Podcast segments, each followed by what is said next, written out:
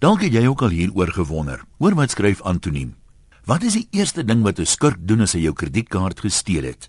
Hy bespreek dadelik vir 'n kaartjie op 'n laagkoste lugdiens.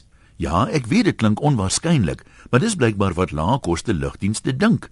Hoekom anders dring hulle daarop aan dat jy die kredietkaart waarmee jy die kaartjie bespreek het moet toon voor hulle jou toelaat om aan boord te gaan?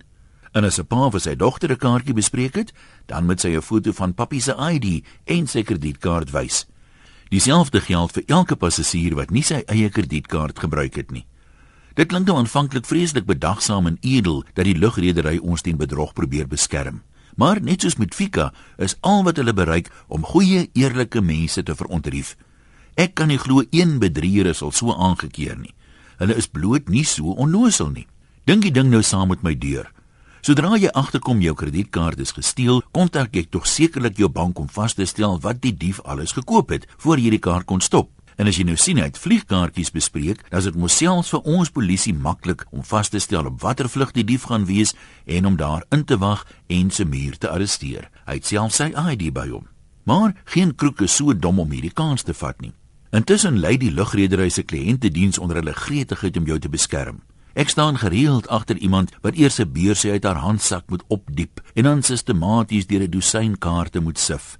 Soms is die vlug lank vooruit bespreek met 'n kaart wat al sedertdien gesteel is of verval het. Krisis. En as jy nou nie 'n kiekie van jou weldoener se kaart by jou het nie, wel jy kan hom of haar darm bel en vra om dit vir jou te WhatsApp. Hoop en bid maar net jou weldoener kan antwoord en betyds die bewyse stuur.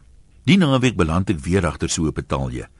Toe die bewyse eintlik op haar selfoon verskyn, moet die vrou natuurlik nou eers weer in die ry indruk om dit te wys vir die een wat geweier het om haar boarding pass uit te reik. Die beampte bekyk alles aandagtig en verklaar toe dat dit nie eintlik nodig was nie omdat die betaling deur 'n third party gedoen is. Die third party is egter nie noodwendig die persoon wie se kaart dit is nie.